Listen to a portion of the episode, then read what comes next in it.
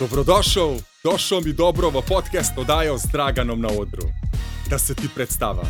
Moje ime je Dragan Babič in ti poslušaš podcast oddajo, v kateri enkrat na teden na svoj odr povabim različnega strokovnjaka iz različnega področja, da se pogovarjava o javnem nastopanju.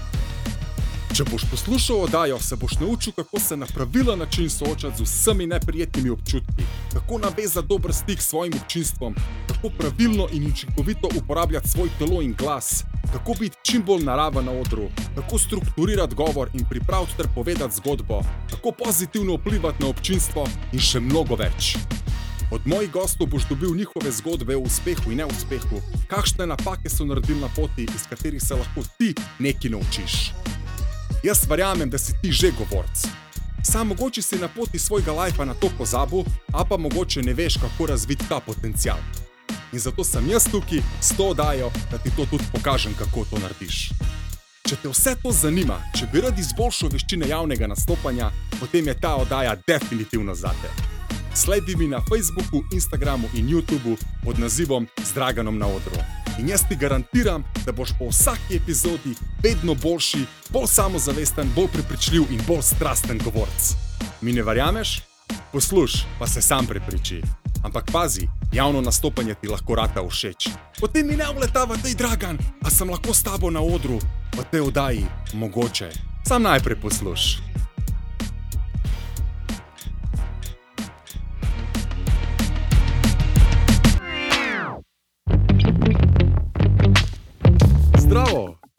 Hvala ti, ker poslušaš to podcast oddajo z Draganom na odru. Moje ime je Dragan Babič in tukaj sem, da ti pomagam izboljšati veščine javnega nastopanja, transformirati te neprijetne feelinge in te mentalno in fizično pripraviti na nastop, da boš ti na koncu rato mojster javnega nastopanja. Milan, zdravo, pozdravljen v oddaji z Draganom na odru. Uh, hvala ti, ker si se odzval povabilu in hvala za tvoj čas danes za to oddajo. Hvala, da ste me opazili, pa dobrodošli. Ja, res je, res je. Sem vas na, na, na LinkedIn-u zaopazil, ko ste delili uh, nekaj o vodenju, mislim, da je bilo. Uh, in uh, sem se pomal šel pobrskati, kaj počnete, pa kaj delate. In imate kar pestro z vašo zgodovino. In to me je navdihnilo in sem rekel, da te vas bom povabil in poklical, um, pa da se malo pogovoriva. Zdaj, kaj bi želel danes, da se pogovarjava, kaj mene osebno zanima, je vodenje in komunikacija v, v samem podjetju. Jaz verjamem, da vodja, direktor, mora znati javno nastopati v podjetju, v smislu, da izrazi kakšno idejo, da odvodi sestanek, ali pa če je kakšna kriza. Ker vedno pride do krize v podjetju, kako zdaj to rešiti, kako se to skomunicirati in kako zdaj to odvoditi. Tako da to bi danes rad od vas izvlekel, iztisnil uh, ta eliksir, sok tega znanja. Uh, ampak preden skočiva v sam sok vodenja, sok komunikacije, uh, kaj me najprej zanima, je, kdo je Milan, ko ni pedagog, ko ni coach, ko ni krizni vodja, ko ni avtor knjig. Kdo je Milan? Pravzaprav še vedno isto. Zaradi tega, ker to, kar pravzaprav počnem, eh, to tudi živim. Na nek način je eh, moje življenje temu posvečeno. Seveda so trenutki, ko se popolnoma odklopim, takrat eh, sem ponavadi ali na motorju ali plešem, ali pa sem nekje daleč naravi, stran od vsega, popolnoma sam. Uh -huh. uh, tako približno je moje življenje, ko ni delovno ampak v večini sem se po nekem trenutku odločil, da posvetim eh, svojemu delu, svoje življenje. Mhm. Kaj pa je bil ta trenutek? Je kakšen specifičen trenutek, ki ste rekli, da je bil trenutek, ko ste se odločili, da posvetite temu delu življenja? Uh, v bistvu, sem pri, ko sem začel sebe raziskovati, sem pravzaprav videl te, eh, bom rekel, to neko vsebino v sebi, eh, kjer enostavno ne vidim konca. Uh -huh. In eh, čutim tako strast in veselje v raziskovanju tega, da me v tem trenutku zaenkrat drugo ne zanima. Okay. In tu sem bil toliko, bom rekel, pošten do sebe, da, da enostavno nisem vklapljal uh, potem nekih drugih ljudi v neko svojo napol življenje, ker so vedno izviseli. Uh -huh. um, in rekel je, do, dokler, dokler bom, čut, dokler bom čutil uh, to strast, tako dolgo bom v tem. Potem pa mogoče, da je kakšna druga pot. Iz kje pa prihaja ta strast? Je bil kakšen trenutek, ko se je zgodil kaj v tvojem življenju, da si si rekel, uh, to me pa zanima. Je bil kakšen razlog? Ne, že od zgodnega otroštva se pravzaprav eh, spominjam, da sem, eh, eh, ko sem star, sem bil 8 let, ko sem si narisal načrt vesolja. Že Aha. prej sem v bistvu ogromno nekaj raziskoval. Zdelo se mi je, da sem v bistvu že, kar sem se začel sam sebe zavedati, več čas nekaj raziskoval, vedno nekaj iskal. Uh uh -huh. Deset let sem bil star, ko sem si na postrešju laboratorij naredil. Okay. Um, prve knjige, ki sem si jih sposojil, so bile v glavnem o delovanju vesolja. Tako da zelo, zelo različne uh, teme. Uh -huh. In ali se potem tudi ta strast otroška um, do raziskovanja, do vesolja, potem tudi odvedla v inženiring tehnične fizike? sem, ker sem prebral, ste tudi inženir tehnične fizike. In me to zanima, kako zdaj ta trans, transakcija med vodenjem in temu. Ali je kakšna povezava, ali je to samo bila ena želja? Ne, tu bi lahko potem pa bolj življenjsko zgodbo opisati. Aha, okay. uh, se pravi, ja, moja želja je bila pravzaprav več čas uh, astronomija, študirati uh, astronomijo. Uh, ampak ker pri nas ne moreš direktno študirati astronomije, ampak še le fiziko, potem astronomijo, razen če se bi pač v tistem obdobju odločil, da bi šel v, v, v Zagreb, oziroma kam to ime, kjer lahko to direktno študiraš. Uh -huh. uh, sem zato šel na pedagoško uh, eno predmetna fizika, ki je pač del astronomije, se pravi z namenom, da bom enkrat učitelj fizike. In sem tudi delal kot učitelj fizike. Uh, ampak eh, sem zelo hitro videl, videl, da to ni moja prihodnost. Se pravi, sicer delo je zelo lepo, zelo, tudi na zelo dobri šoli sem pravzaprav delal, ker so bili dobri odnosi. Ampak, ker pa smo vseeno bili, bili del nekega sistema, ki ga pa nisi mogel spremenjati, eh, sem se počutil utesnjen. In sem dobesedno dal en dan odpoved in začel delati kot fizik na optimiranju poslovnih procesov. Aha, se pravi, da je začela pod... ja, podjetniška pot. Mm, se pravi, pa je bil ta razlog, v bistvu, mm, da ste začeli to podjetniško pot. Zaprt, če se lahko temu reče, zaprt v sistem nekega. Tako. Ja, ja. Ja, ja. Kaj, kaj, kaj pa je bilo, um, da ste opazili ta, to zaprtost? Na kakšen način je bila ta zaprtost v, v tej šoli? težko je to z besedami opisati, ampak gre za tisti občutek, ko ne moreš dihati. Uh mhm. -huh. Ne veš, spravi, vsi ljudje so prijazni, kooperativni, ampak uh mhm. -huh. enostavno jaz v ta prostor nisem pasal. In to sem si zelo, zelo hitro priznal, že pri 24. Uh -huh. Jaz sem pri 24. v bistvu že začel eh, z podjetniško potjo, sicer sem še leto, oziroma dve leti še učil, zato da da sem nekako nadomeščal tisto, kar niso imeli, ampak pri 24 sem pa že v bistvu uh, ustanovil svoje podjetje, takrat SP in potem počasi skozi vseh teh 20 let je to počasi raslo. Kaj pa se, s čim ste pa začeli tako na začetku? Ali ste začeli z delavnicami? Kaj ste imeli? E, v bistvu je bilo to leta 99, tik preden je prišel Windows 2000. Uh, in uh, sem v bistvu, ker sem v srednji šoli, pa tudi takrat delal kot programer, kot hobi, iz tega sem na nek način tudi živel. Delal sem v bistvu razne aplikacije za uh, zelo različne stvari. No.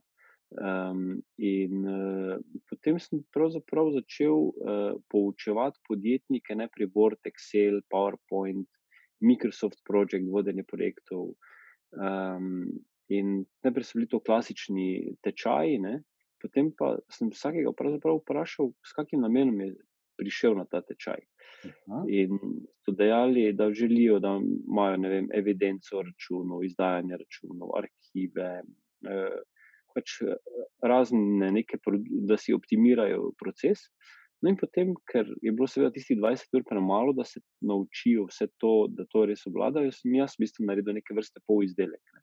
-huh. In potem so me začeli vabiti k sebi domov, e, mislim, v podjetje. Ne. So rekli, da je še nam to narediti. To in sem v bistvu na nek način zoptimiral uh, poslovni proces, najprej temu bi danes rekli digitalno, ne, da so šli iz knjig uh, uh, za davke na uh, elektronsko poslovanje, ne, vse v mhm. Excelu je bilo takrat.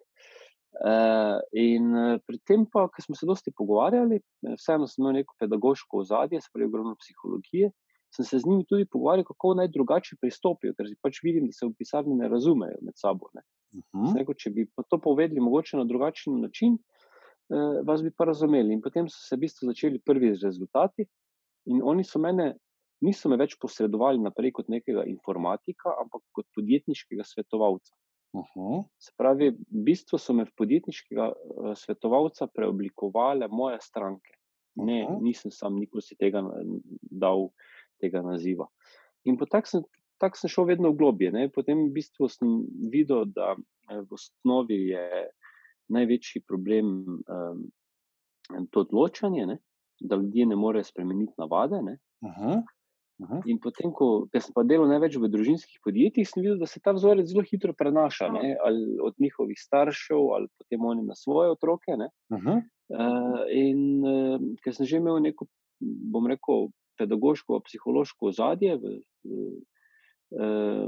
tem, kar sem študiral, je potem iz tega našta, sem začel študirati psihoterapijo. Uh -huh. Tako sem pravzaprav začel spoznavati, kako človeška psiha v resnici deluje. Uh -huh. In tako sem se potem kot eh, psihoterapeut po devetih letih specializiral za otroštvo tistih, ki vodijo. Se pravi, kaj iz otroštva vpliva na to, da smo danes taki, kot smo. In kaj bi rekel, da vpliva iz otroštva? Kaj so tisti glavni dejavniki? Uh, predvsem način, ne toliko način vzgoje, ampak uh, svobodno odločanje njihovih staršev, oziroma tistih, ki so jih vzgojili. Okay. Namreč, ko se, mi, ko se mi rodimo, nimamo napisanega navodila za življenje, imamo v sebi nek potencial. Ampak ni nujno, da bo ta naš potencial vedno uh, zrastel. Mi njemu moramo, on mora dobiti dovoljenje, da lahko raste. Dovoljenje mu pa da, eh, to se imenuje ego, uh -huh. eh, ki prenaša informacije od zunaj na vznoter. Ne? In ego, v bistvu, prvih šest let našega življenja opazuje, kako ljudje okoli nas živijo. Uh -huh. Vkolikor eh, on zazna, da ljudje živijo to, kar čutijo, potem bo dal signal otroku, živi to, kar čutiš, se pravi, razvijaj svoje potencijale. Vkolikor eh, okolica živi na ta način, eh, da eh, eh, živi, živi po tem, kaj bodo drugi rekli, ne? potem pa eh, ego da informacijo temu otroku, ne, ne smeš eh, razvijati teh potencijalov, to pusti na miru. Pravo življenje je pa to, kar živi okolica. In potem na potencijal se posname ta življenjski scenarij, po katerem mi živimo celo življenje. No, in tu v bistvu pridemo v konflikt ne, v, z samim sabo, ker ne živimo tistega, kar v resnici čutimo. Uh -huh. In koliko je teh konfliktov več, eh, potem se eh, spravi ta življenjski scenarij, v bistvu rabi potem potrditev od zunaj, ne od znotraj. In eh, eh, ta scenarij potem pravzaprav povzroča različna dejanja. Ne, od eh, tega, da Eh, od konfliktov do manipulacije, pač različnih stvari. Ne? Samo zaradi tega, da dobi potrditev, da obstaja. To je v bistvu psihološka hrana. Medtem ko po potencial pa rabi v resnici samo potrditev od znotraj, da je ok. Kako pa, pride, kako pa pride do tega potencijala znotraj, kako narediti to trans, transakcijo, ta swift, shift iz ja. zunaj na noter? Ne, to je v bistvu dolg proces. No? Pravzaprav je treba najprej sploh ugotoviti, eh, oziroma se najprej moramo priznati, da ne živimo svojih potencijalov. Ne? Uh, in to je v bistvu tisto najtežje. Ko se enkrat to priž, priz, priznamo, smo že na pol poti. Uh, skratka, če mi več čas iščemo neko pozornost drugje, um, če uh, smo v nekih konfliktih, uh, veliko krat v vlogi žrtve, uh, v, pač v nekih situacijah, kjer smo utrujeni, jezni, žalostni, je v osnovi to so pravzaprav znaki, da tega ne živimo. In zdaj, ali smo mi dovolj močni, da si bomo priznali, da je pa je dovolj tega, zdaj pa gremo raziskovati samega sebe. Uh -huh. To je pa v bistvu odvisno od te naše notranje moči, ali kakorkoli eh, bi temu rekel, da smo, da smo mi pripravljeni začeti raziskovati samega sebe. -huh. pa, pa je, pa je konc temu raziskovanju samega sebe. A, a, a prideš lahko do neke točke, ki rečeš, ok, zdaj sem se raziskal, zdaj vem, kdo sem, zdaj več ne dajem pozornost na zunanjost, ampak obračam pozornost na notranjost. A, a obstaja taka točka? Glede na to, da se še kot hobi z astronomijo vedno ukvarjam, ne, sem ravno zadnjič v eni od svojih zadnjih knjig napisal, da Uh, tako kot odkrivamo, kot so teleskopi vedno močnejši in gledamo vedno v globino vesolja, ne, imam občutek, če primerjam to z psihologijo, da pravzaprav uh, toliko, koliko odkrivamo globino vesolja, toliko odkrivamo samega sebe. In bomo en dan naredili dovolj močen teleskop, da bomo na koncu videli sebe. Tako da, po mojem, se to raziskovanje nikoli ne konča. Aha. Kako pa potem? Ko, ja, kar povete. Ko pa pravzaprav bomo pa prišli enkrat do, do tega konca, ne, eh, ko se bomo sami sebe videli na drugi strani teleskopa, potem bo pa najbrž konec. Um, tako je ta, um, da, da si rečemo, tudi sam sem bil eno leto, pa po nazaj, kot štiri mesece, nek prodajni coach v enem podjetju, uh, družinskem podjetju. Um, in me zdaj zanima, kako. S kakšnimi vprašanji ali pa um, uh, usmeritvijo pokazati na vodjo ali pa direktorja, da je v njemu, po domač povedan, problem in ne v drugih. Ker v večini primerov, kot sem tudi v ostalih podjetjih, večina ljudi, večina direktorjev daje problem na sodelavce, daje problem na stranke, daje problem na zdaj, produkt, cena. Vsi ostali vajo, sam ta oseba ne ve. Zdaj, ste imeli kdaj tak občutek oziroma tako prakso, pa da ste jo rešili? Veliko krat. Uh, v bistvu, ja, zato, ker uh, je pravzaprav večini, uh, tako rekel, v teh 20 letih, oziroma zdaj že več, imel več kot tisoč strank po vsem svetu. In samo, uh, bom rekel, en procent je tistih, ki me je poklical zaradi sebe. V štartu so že vedeli, da, on, da so oni problem. Uh -huh vsi ostali so vedno poklicali za to, da so problem drugi. Uh -huh. In zdaj, seveda, jaz sem v večini primerov uh, jim tega nisem takoj na prvem srečanju poved, povedal, oziroma v začetku sem seveda jim povedal, nekaj vidim, da so oni krivi, ampak v tistem trenutku so mi odprli vrata, pa so rekli, da nisem tu zaželjen. Potem pa sem malo spremenil taktiko ne? uh -huh. in sem potem pač uh, najprej naredil analizo celega procesa, odkot v bistvu napak prihajajo. Vizualno direktor je pokazal, kaj pravzaprav oni povzročajo v tem podjetju. E, tako da sem jih na nek način pripravil na to uh, resnico ali pa bolečino, kdo pravzaprav eh, oni so v tem podjetju, kaj povzročajo. In potem se je postopoma začelo, ne bom rekel, s, uh, večino, potem se je pa direktor oziroma vodilnik v podjetju odločilo, da grejo naprej in začnejo delati na sebi. Pa imate kakšen um, primer, ko, ste, ko je prišlo do te realizacije, da je direktor kriv, kriv pač, da je on v večini primerov ta problem? A je kakšna, kakšna zgodba, kaj, kaj se je zgodilo po tem? Imate kakšen, mene te take zgodbe me zanimajo. Ja, mislim, zgodb je ogromno. O teh zgodbah tudi pač pišem v svojih knjigah, uh -huh. oziroma na blogu. eh, nikoli v bistvu ne omenjam, tako da se v bistvu posamezniki ne morejo prepoznati ali kakorkoli. Uh, načeloma v svojih uh, referencah, kaj dosti ne govorim, če že dajo to priporočila, zaradi tega, ker v bistvu se spuščam na tako intimno področje ljudi in potem nišče nima rad, da se o tem govori. Če mogoče provam mm, se kaj takega spomniti. Uh, v, ja, en taki primer. Ne, um, govorimo o enem večjem podjetju, kjer je bilo, ko sem, ko sem začel z njimi sodelovati, 1100 zaposlenih. Uh -huh.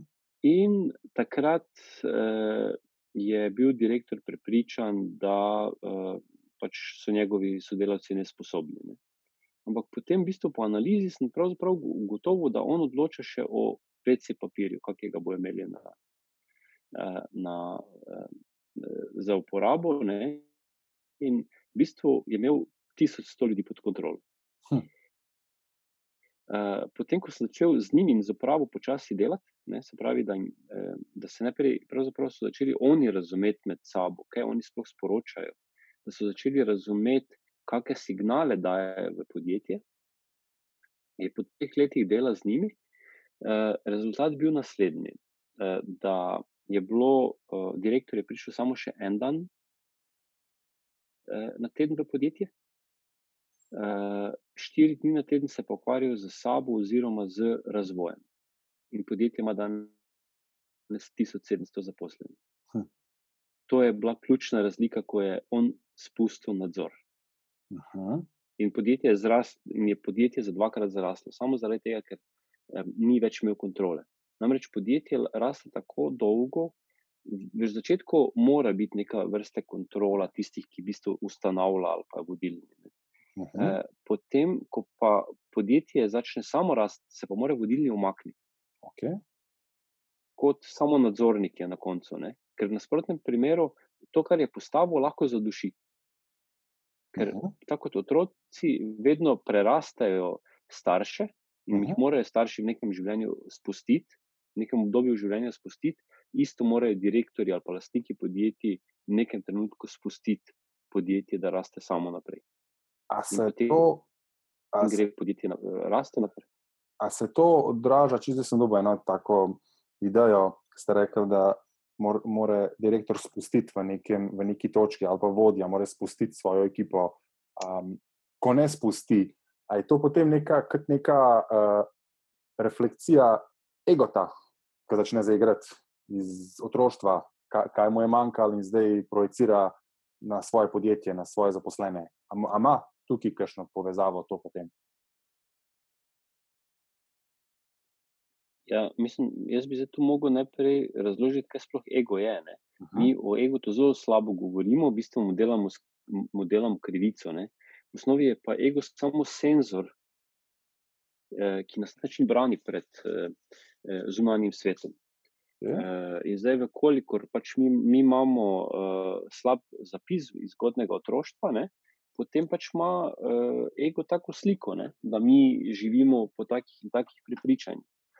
Um, in zagotovo uh, mi vedno reflektiramo, ali pa v velikih primerih, to, kar se nam v okolici dogaja, je v bistvu naša notranja slika, naše notranje stanje. Spravi, če je okolica v kaosu, potem pomeni, da je naš notranji eh, eh, koncept kaos in Aha. s tem se znajdemo. Temeljimo pa vsi k nekemu notranjemu miru. Aha to je pa potem čisto ena, ena druga pot, nekaj no, notranji mir je pa v osnovi ravnovesje med vsemi komponentami, ki, mi, ki jih imamo v sebi. Ne. Zato je pomembno, da v bistvu več časa sami sebe spoznavamo. Tako, ste, ko si me prej vprašal, ne, če je konec tega raziskovanja, ne, mhm. ne, nikoli ga ni, ker mi vedno sebe raziskujemo na področju, kaj nam je všeč eh, pri telesnih aktivnostih, kaj nam je v, v hrani všeč, kaj nam je všeč pri intelektualnih Eh, stvarih, kaj nam je všeč pri čustvenih eh, zadevah, kaj nam je všeč eh, pri duševnem miru. Namreč s tem, ko mi raziskujemo, na nek način več čas eh, lovimo ravnotežje. In bolj, ko iščemo to, kar, nam, nam, kar nas zadovoljuje, manj nas zanima okolica. Mhm. In v nekem trenutku pridemo, ko nam sploh več okolice ni pomembno. Eh, Pa ne govorite, da se potem umaknemo v samo, ne? ampak ne vplivamo se na mnenje drugih, kaj nam kdo drugi reče, ne vplivamo, mislim, ne ukvarjamo se z, eh, z kako v bistvu drugi živijo, kaj drugi o nas govorijo, ampak zanima samo nas to, da se mi počutimo dobro v tem, kar počnemo. Mhm. In to je v bistvu ta preobrat, da naredimo ta preobrat, ko v bistvu osebni cilj postavimo pred poslovnim. Okej.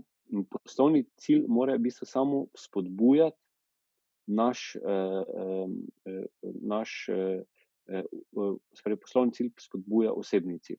Mhm. Eh, ker v nasprotnem primeru je poslovni cilj lahko ni nikoli končen. To pa še to, pa še to, pa to, in smo vedno razočarani. In nam vlak ali pa cesta življenja enkrat pride do konca. Mhm. Mi se moramo pa ustaviti in živeti vsak dan posebej. In ko naredimo en ta preklop, ne, eh, se pravi, kaj je naš osebni cilj, tako sem jaz pred sebi našel to poslanstvo raziskovanja eh, odnosov in narave, eh, potem je meni pravzaprav poslovni cilj, to, kar pač počnem z strankami, je v osnovi meni cilj, da jaz podpiram, da lahko potujem in raziskujem. Zato rabim v bistvu finančna sredstva. Drugače, načeloma me denar ne zanima. Mhm. Mhm. Uh, Če bi se še malo rad vrnil nazaj na ta spusti kontrolo v podjetju. Ne vem, zdaj se jaz predstavljam, pridem na sestanek uh, do direktorja in mu povem, da mora spustiti kontrolo nad svojim podjetjem. V, definitivno v večini primerov bi ali ponorel ali uh, rekel, da sem jaz, uh, da, da z mano je nekaj narobe. Ali pa če bi to objavil nekje na internetu, ne vem, na, na LinkedIn, da direktor podjetja mora spustiti kontrolo. Um, Deva se malo več klenoter, um, kako pripeljati tega vodjo ali direktorja, da spusti kontrolo, pa kaj ne on poj počne, v bistvu, kaj je njegovo primarno delo, ko spusti kontrolo. Daj, tak je zagotovo, ne smete vi biti tisti, ki, eh, oziroma ti, ali pa kdorkoli pač pride v podjetje in mu to v prvem stavku povedati eh, direktorju. Ne? Ker potem je v bistvu osnovni problem pri nas, če hočemo to informacijo prenesti. Torej, da mi nimamo sami sebe razčiščeno, ali pa smo se prišli dokazovati k njemu. Mi, eh, mi se moramo eh, z njim začeti pogovarjati. Eh, Oziroma, najprej pač moramo vedeti, zakaj smo tam. Ne? Saj ne prideš kar k nekomu, kar tako na vrata. Ne? E, ampak, koliko smo mu pač prišli ponuditi neko storitev, osebno rast, reorganizacijo, optimizacijo, coaching, karkoli, ne? e, se v bistvu pravimo poskušati prej e, pozanimati čim več o tem podjetju ali pa tudi lastniku. Nič ni narobe, če mi naredimo ker glede na to, da je večinoma direktorjev podjetij, imajo nekje svoje slike objavljene. Uh -huh. Naredimo profil tega človeka. Namreč eh, eh, ni treba, da gremo k nekemu strokovnjaku, pošiljamo to sliko, da nam pove, kdo to je, ne? ampak to lahko naredimo sami. Namreč eh, ta eh, veda se drugače imenuje fizionomija, kjer mi lahko v bistvu po sliki prepoznamo eh, potencial človeka kdo on je. To je metoda, ki jo v bistvu policija ali pa uh, ki jo te, ki so že um, te kamere, uh, infrared, A, infrared ja. oziroma ne, bio, met, biometrika, no? um, ki, po kateri pravzaprav deluje. Ne? Ker namreč, uh, v čem je panta? Uh, uh, če malo to psihologijo razložim, nasledstva. Ne?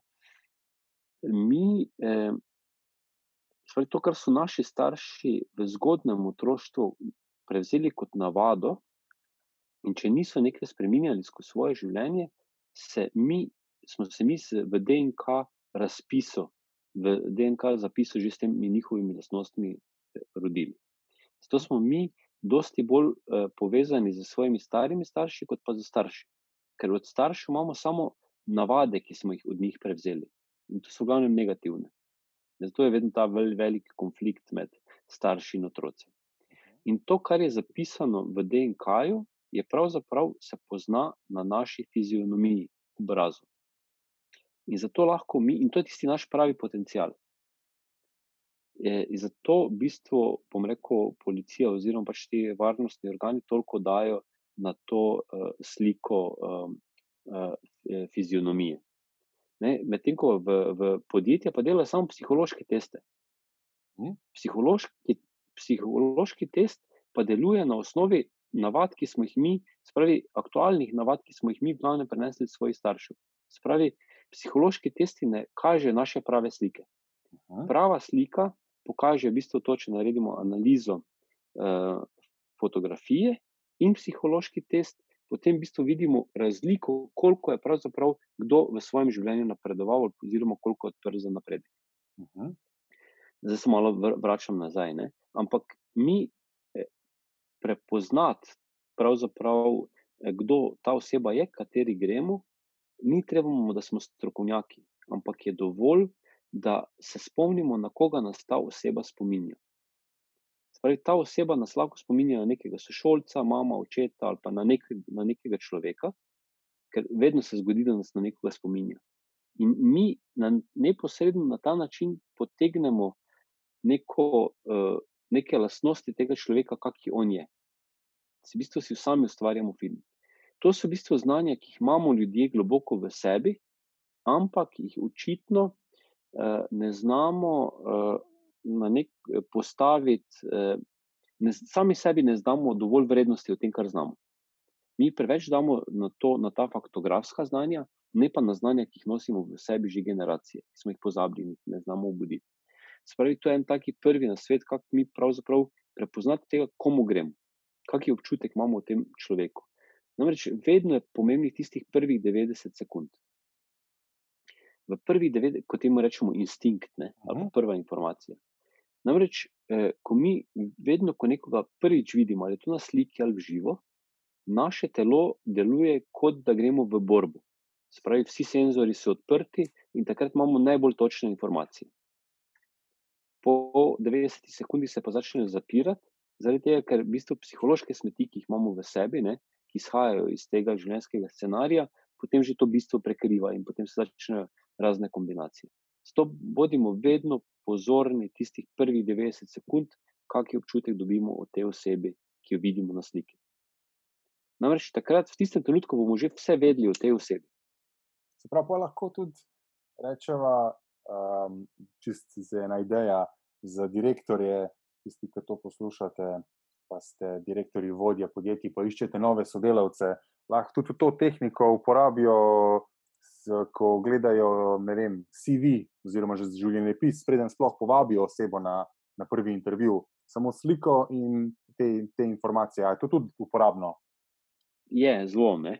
S tem, da je vseeno treba pač eh, na nek način vzeti malo v obzir to, da so lahko slike, kakšne fotomontaže, polepšene in tako dalje. Okay. Eh, tako da ni to čisto, ne? ampak eh, v veliki meri pa ogromno nam lahko to pove. Eh, predvsem, ker imamo veliko selekcijo. Uh mhm. -huh. Ker pač ti vsi uh, novodobni CV, uh mhm. -huh. da, gre, da greš skozi to sito, to vse naučeno. Ampak igra je pač igra. Ne? Pravo življenje je čisto nekaj drugega. Ne? Ti ljudje, uh, Eh, kar si napišemo, kako predstavo si naredimo, lahko na Facebooku ali kjerkoli, ne, je lahko pač izmišljotina, samo zato, da pridemo do nekega svojega cilja. Uh, ja, ampak v veliki meri pa lahko to uporabijo. Ne. In zdaj, kaj hočem povedati? Ne, če direktor ogromno dela na sebi, da sam sebe čisti, da se znebi vseh teh nekih bremen iz preteklosti, pomeni, da so njegovi senzori zelo čisti. In potem on zraven te slike vidi tudi energetsko polje tega človeka, tudi če ni ga nikoli videl, če pač pravi samo slika. Zaradi tega, ker je on tako čist in to vidi. In zato jaz v bistvu taki podarek dajem eh, na to, da ni pomembno, kako izobrazbo ima direktor, eh, eh, kako faktografsko znanje ima, ampak koliko je on čist. Bolj ko je čist, več ko je na sebi delo, bolj je razvita njegova intuicija in to so neka tista prav stara znanja, ki danes prihajajo v spredje. Danes je pomembno, da se ti znaš pravilno odločiti, da znaš sebe počutiti. In pomembno je to, da oni sami sebe čutijo. Kar je pa danes velik problem, ljudje se ne, ne čutimo.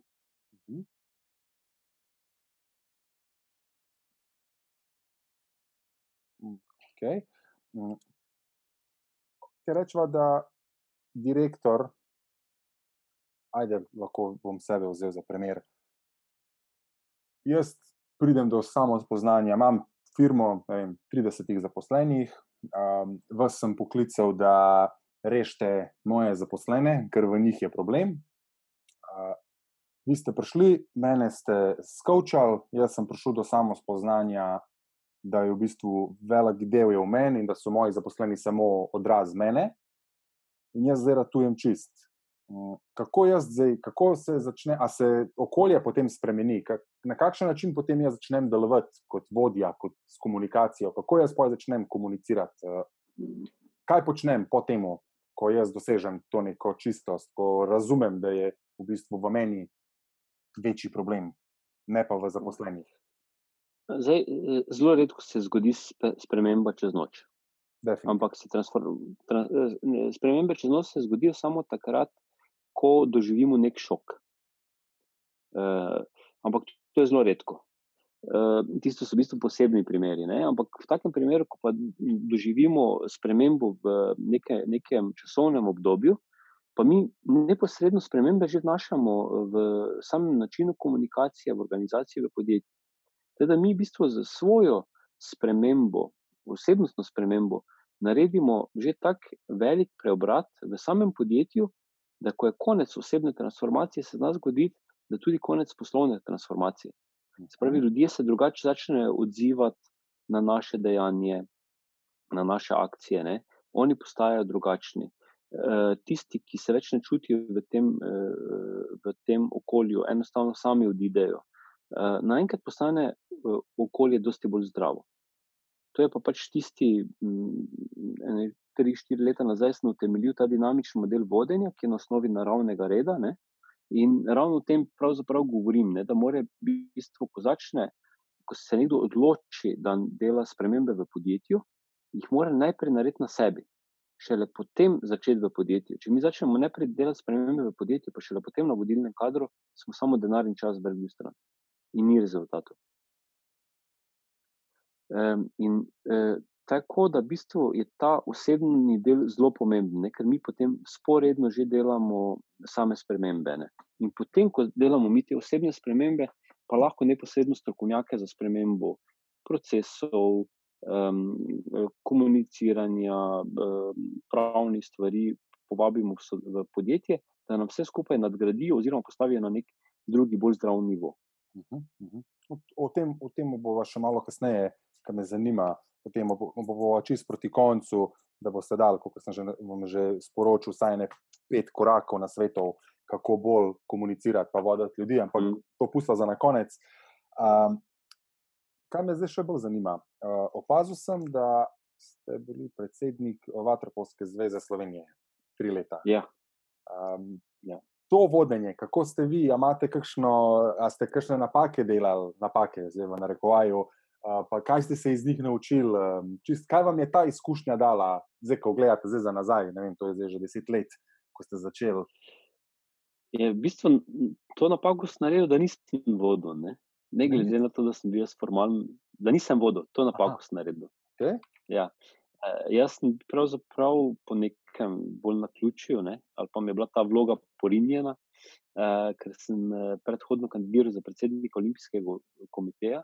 Ampak, če sem hotel kandidirati za to vlogo, sem mogel prej biti uh, v neki drugi olimpijski organizaciji. In pač v tistem trenutku se je pač ta Vatripolo zveza pojavila, so mi ponudili to funkcijo in so rekli, da bomo mi vse delali, ker sem rekel, kam bodo vatripoliste, če ti prav plavati, ne znam. Ne. Uh, in uh, tako sem jaz v bistvu spoznal. In potem sem enostavno to prepustil nekemu upravnemu odboru. Jaz sem takrat že v bistvu živel v Beogradu, prihajal v Slovenijo. Ne. In potem sem se v bistvu naučil to, da eh, kjerkoli si odgovoren, moraš proces in vsebino zelo dobro poznati. Pa ni treba, da si največji strokovnjak, ampak uh, moraš pa dovolj dobro poznati, da veš, o čem odločaš, zakaj predvsem odgovarjaš. Mhm. Proces česa, proces eh, delovanja, kaj podjetja. Proces, proces delovanja podjetja. Uh -huh, uh -huh. V tem mojem primeru, delovanje organizacije. Uh -huh, uh -huh. Se pravi, edina napaka je, da niste. Vodili, ne, nisem vodil. Nis, ampak v kakšnem smislu, da niste niste vodili? Ja, zato, ker je v bistvu so vodili ljudi, ki so bili že v tem športu 30-40 let. Uh -huh. uh, oni so sprejemali odločitve, od mene so bolj pač pričakovali, da pripeljem neka finančna sredstva. Ne? Uh -huh. Jaz sem seveda predhodno pač hotel nastaviti neko, neko m, jasno strategijo, uh -huh. uh, kon, kontrolo, uh, ampak v bistvu sem na koncu videl, da nisem imel te moči da bi lahko karkoli spostavil. Uh mhm. -huh. Bil sem v bistvu predsednik ali odgovorna oseba samo na papirju. Okay, super. Uh, videl sem tudi, da, prebral sem, da pravite, da imate drugačne metode kot ostali predavatelji in drugačne pristope. Mene zanima, kakšni so to drugačni. To me, to me je pretegnilo na vaši spletni strani, ko sem prebral drugačne metode. Eh, predvsem to, da uh, nikoli ne naredim prvega koraka. Uh mhm. -huh. Ampak poskušam organizirati okolje na ta način. Da se ljudje, zdaj govorim, o, ko smo že v fazi nekega procesa, ne, da se ljudje sami začnejo od, odzivati -huh. na različne situacije. Um, to bi v praksi lahko povedal na ta način, da jih mogoče pripeljem do neke stopnje uh. -huh. v nekem razvoju ali pa reševanju, potem pa se omaknem in me naenkrat ni več. Uh. -huh. To ne pomeni, da pobegnem, ampak jih opazujem od zadaj. Zato, da, da oni so do konca razvijajo sami ta potencial. Ker največja težava, kar sem v bistvu ogromno kočev, tudi hodi k meni po nasvete ali pa učim učitelje. Ne? Uh, namreč, uh, ne rešuje stvari, ampak samo kaže smer. Veliko kočev pa naredi to napako, da se preveč poveže z svojimi strankami. Uh. -huh. In potem na koncu tudi že administracija na mestu njih dela. Uh. -huh. Naša vloga, naš kočev je to, da smo več čas kot neki svetilnik v zadju, uh. -huh. kam oni ne smejo iti, oziroma jih na nekaj opozarjamo. Mhm. Zato moramo biti več čas čisti in neko, nikoli se ne smemo v sam proces eh, mešavati, kaj še reko osebno življenje. Ne. Jaz sem vse te napake tudi delal v življenju.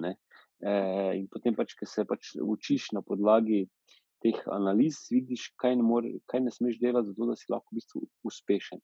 Uspeh za mene je pa to, da v bistvu nekoga pripeljem na željeno točko, hkrati pa da sem jaz več čas mir, ne da sem tudi jaz eh, utrujen na koncu. Hm, da, da nismo izžeti kot neka krpa po koncu dneva.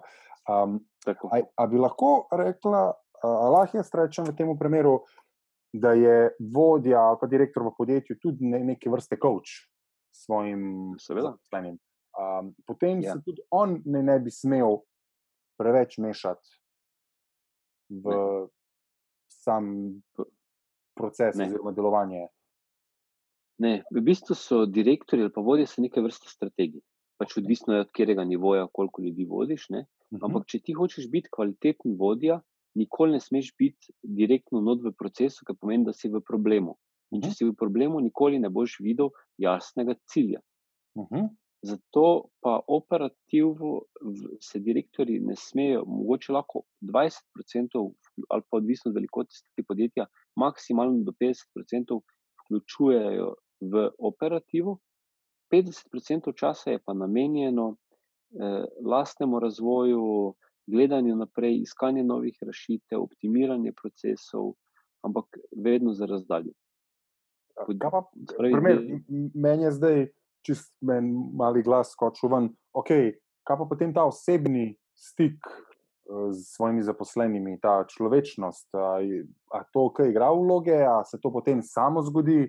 ko se ti učistiš, ko si čist, eh, da posvetiš pozornost. Sej, tu je v bistvu pomembno, da se, ko nastopi problem v podjetju, uh mhm. -huh. da se direktor z zaposlenimi pogovarja o rešitvah, ne pa da direktor reši zadevo. Ker s tem, ko reče, vse bom to jaz naredil, ne, avtomatsko ti zaposlenemu vzameš um, kredibilnost, odgovornost, uh, ponižuješ ga, ne, aha, se nisi sposoben, in uh, hkrati pa sami sebi, direktori, vzamejo, um, bom rekel, vrednost, ne, ker oni postanejo operativci. In potem si zaposleni misli, pa zakaj, zakaj bi se bo direktor na koncu naredil. Ja, to je res. Ja. In, zato, in zato je pomembno, da, da je tu direktor coach in se potem pogovarja z zaposlenimi, kako bi to lahko rešili. In tudi če stokrat stvari zavrne, je bolj pomembno to, da stokrat zavrne, pa se z njimi deset ur pogovarja, kot pa da enkrat sam naredi do konca. Ker s tem trenira tudi svojo potrpežljivost. Kaj pa če rečemo, da direktor vidi rešitev, že, pa jo svoji zaposleni ne vidijo, njegovi zaposleni ne vidijo, kako takrat komunicirati, kako takrat pokazati na to rešitev, oziroma idejo, oziroma izhod iz tega problema. Potem je to, to rešitev je treba razdeliti v več korakov. Okay. In jih je treba peljati skozi te korake, zato da jih oni potem vidijo. Ne ampak ne sme pa podarjati, da se jaz to vedno. Ne? Ampak njih mora pripeljati, da je to njihova ideja, zato da se oni čutijo pripadni eh, te rešitve. Zdaj tukaj dobiš občutek, da v bistvu ni point razmišljati o svojih delavcih v smislu iskati napake v njih, ampak razmišljati o procesu, kako jih bom pripeljal do tega, da oni vidijo rešitev, ki jo ti že vidiš v bistvu Točno to. Se to je v bistvu umetnost vodenja. Ja. Kaj, kaj je drugo vodenje, kot to, da ti pravzaprav eh, v zaposlenih spodbujaš njihove potencijale,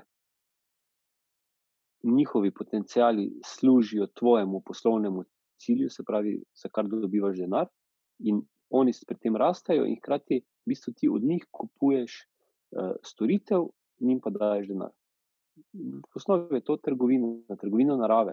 Narava mhm. tudi v bistvu tako deluje, ne? več čas kroži. E, če gledamo čist, čisto fiziko, ne more volumen, temperatura, pa, um, e, pa tlak več čas biti v nekem ravnovesju. Če eno poveča, se drugo zmanjša, ali pa njih obratno, več čas kroži. Ne? Narava tudi več čas kroži, če vodo pogledamo. Uh mhm. -huh.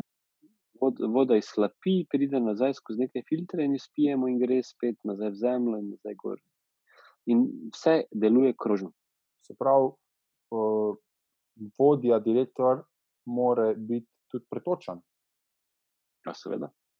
Temu vrnijo, ko pravite, da, da kroži, da dovolite, da se kroži. Um, kaj pa dela, kaj pa rečemo, razlika um, med uh, vašega primera, kakšnega, ko ste videli slabega vodjo, pa potem dobrega vodja, če lahko rečemo, slabi pa dobri, kaj je slabo, dobro, ampak nekoga, ki je čist kot vodja in nekdo, ki ni čist. Evo, bom to besedo uporabil. Kakšne so razlike, kaj, kaj je prvo, kar ne, ta nečisti vodja dela oziroma komunicira? E, prvo je to, da ne zaupa svojim zaposlenim. Okay. To pomeni, da ima vse pod kontrolo. Uh -huh. Hoče vse korak kontrolirati. To je slab vodja. Uh -huh. Dober vodja je pa tisti, ki pusti kako stvar, da je tudi, oziroma dober vodja je tisti, ki sicer nikoli ne pusti, da je stranka razočarana. Uh -huh. Pravi, da podjetje izda neki pol izdelek, ne? kar se v večini primerov zgodi v tam, kjer je 100% kontrola, da ne več napakne. Uh -huh. e, ampak je toliko potrpežljiv z zaposlenimi, da skupaj pripeljejo, da ta izdelek na koncu res 100%, mhm. da je stranka zadovoljna. Okay. Um, malo bi se vrnil nazaj na tole, uh, ne zaupa svojim zaposlenim. Zakaj prihaja do tega, da vodja ne zaupa svojim zaposlenim? Uh, bom se vrnil na en primer. Uh, v Sloveniji obstaja več nagrad uh, direktorjev, menedžerjev, podjetnikom zaradi nekih uspehov. In uh, v eni od teh zgodb sem uspel sodelovati kar nekaj let. Uh, in uh, sem v bistvu naredil z vsemi, ki so dobili to nagrado, uh, sem naredil intervjuje. Namreč uh, specifika te nagrade je to, da skoraj vsi, ki so dobili to nagrado, danes več niso poslovno prisotni. Ne glede na to, da so bili takrat najuspešnejši v svoji branži na svetu. Okay. No, in samo dva še od njih uspešno delata in sta še vedno najboljša na svetu. No, in potem uh, sem v bistvu delal primerjavo uh, v, med njimi, uh, uh, zakaj, uh, zakaj, kaj so doživeli, kaj se je zgodilo potem, ko so dobili to nagrado. Ne? In ko delaš pač analizo skozi njihovo življenje, vidiš, da so v zgodnem otroštvu odraščali ali z strogim očetom ali pa brez očeta. Spravi, niso imeli pohvale neke avtoritete v življenju. In so več čas strmeli k tej pohvali, in so to, se, oni so se pač dokazovali preko podjetništva. Zato so bili najboljši z optimizacijo. Ne. In v tistem trenutku, ko so dobili to nagrado, ko so bili pozvani na oder, je ta psihološki vzorec, ta pohvala bila zadovoljena. A v naslednji dan, ko so prišli v službo, niso več vedeli, zakaj so tu, kaj naj še počnejo. Mhm. Niso več imeli tega notranjega motorja. Ne? No, in ta eh, notranji motor, ki rabi več čas hrano, ne, eh, v bistvu na nek način svoje ljudi, okolico, rečemo v tem primeru zaposlene, več čas zaničuje. Vi niste dovolj dobri, jaz sem najboljši. In to sporočilo nosijo direktori, ki imajo 100% kontrolo. Mhm. Dokler pač tega ne presežejo v nekem obdobju. Um, kaj pa se pa zgodi, ko zakaj se je zgodil s temi vodji, ki ste rekli, da jih ni več, da več niso v podjetjih, ki so dobili nagrado? Ne, ima, so šli v Indijo meditirati. Eh, ne, nekateri so postali moje stranke in imajo pač čisto drugi ži, način življenja. Ne? Okay. Eh, nekateri so se pa v bistvu pač prav izgubili, so se enostavno vegetirali. Uh mhm. -huh ne, vejo, ne najdejo drugega smisla življenja. Hmm. Uh, ja, so bili tudi poskusi iti v Indijo, okoli sveta, biti dobrodelneži, ampak niso čutili te svoje uh, neke nove poti, oziroma niso našli samega sebe. Je to tudi mogoče kaj povezano z identiteto, samo, ko se, se gledaš? Vse, vse v osnovi je to, to ne? Vlastna identiteta je spoznavanje samega sebe. Ne? Mhm, mhm. In če se nekdo ne tega na pravilni način loti spoznavanja samega sebe, potem eh, v bistvu se z nas zgodi, da se v bistvu v življenju izgubimo. Uh mhm. -huh. Pa se lahko nekdo, ki se je izgubil kot vodja, kot direktor, najde. Imate kakšne primere, ko se je popolnoma nekdo izgubil v podjetju, pa se je na koncu našel? Ja, ja imam primer uh, enega gradbenega podjetja, uh mhm. -huh. kjer sta uh, mož in žena pač prišla na svetovanje, da, nekaj, da se med sabo ne razumeta. Ne? Pa podjetje ne gre najboljše, ne glede na to, da je bilo v bistvu gradbeništvo rastlo. Uh, in potem, v bistvu, po nekem daljšem, uh, podaljših korakih svetovanja, ne, smo v bistvu prišli do tega, da se je um, podjetje zaprlo, zaradi tega, ker je on to podjetje podedoval od svojih staršev in je bil nezadovoljen. Ne? In se je on potem začel ukvarjati s fotografijo, ona pa z zelišči. In na koncu sta se tudi ločila. Danes v bistvu zelo srečno živita. Uh, ona je se prej našla kot on, ampak on se tudi na koncu našel in tako sta v bistvu oba dva zdaj zelo mirna. Hmm obstaja upanje za, Sveda, či, za ljudi. Či za, vsak, či za vsakega obstaja rešitev. Več zvesti je na nebu kot ljudi na zemlji. Ja, res je. Um, predno zaključujem, da našem pogovor meni je minil kot pet minut, vidim, da je skoraj že eno uro. Um, dajte pet nekih smernic ali korakov, ali pa na svetov vodjem, direktorjem, da bolje komunicirajo, bolje vodijo svojo ekipo in jo propeljajo do želenega cilja, ki je po dobrobit vseh nas, in njih samih, in zaposlenih, in strank, seveda, in sveta, če lahko tako rečem. Ja, se pravi, prvič, nikoli ne bodite drugi, se pravi, ne podrejajte se, vedno poslušajte sebe, tistih prvih 90 sekund. Uh -huh. Ko sprejemate odločitve, bodite vedno spočiti in naspani. Uh -huh. E, materialni svet je vedno odsev vaših misli, se pravi, bodimo pozorni, kaj nam okolica sporoča. Uh -huh. e, in če nekaj, obst če nekaj, ob, uh, rekel, če nekaj obsojate, bodite prepričani, da ste v bistvu enako krivi za tisto, kot tisti, ki je to povzročil. Uh -huh.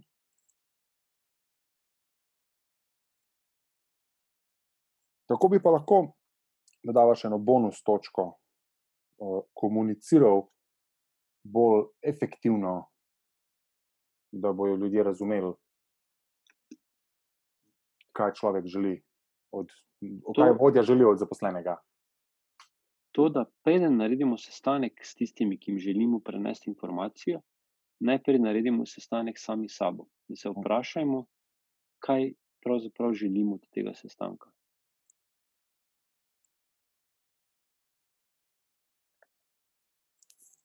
Evo.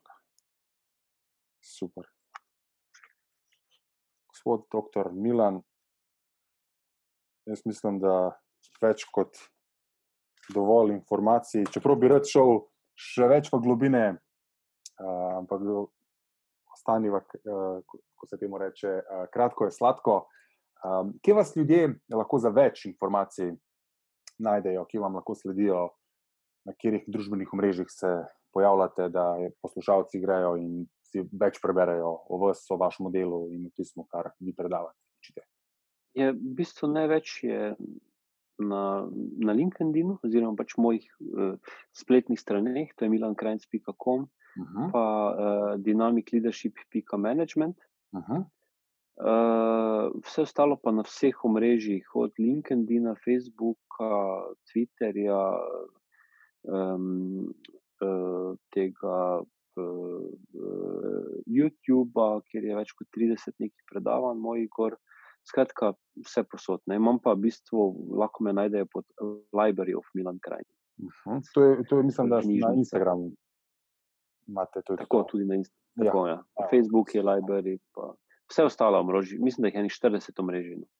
Super. No, evo, jaz upam, da je poslušalec oziroma poslušalka dobila čim več znanja, modrosti in informacij, kot sem jih dobil jaz. Eh, jaz se vam, gospod Milan, zahvaljujem za vaš čas, za vašo energijo in vašo pozornost. Eh, in jaz vam želim še več uspehov, še več raziskovanja, še več uh, najdenih zvezd v globinah uh, nas samih duš človeka in da dosežete tisto, kar ste si zadali že kot otrok.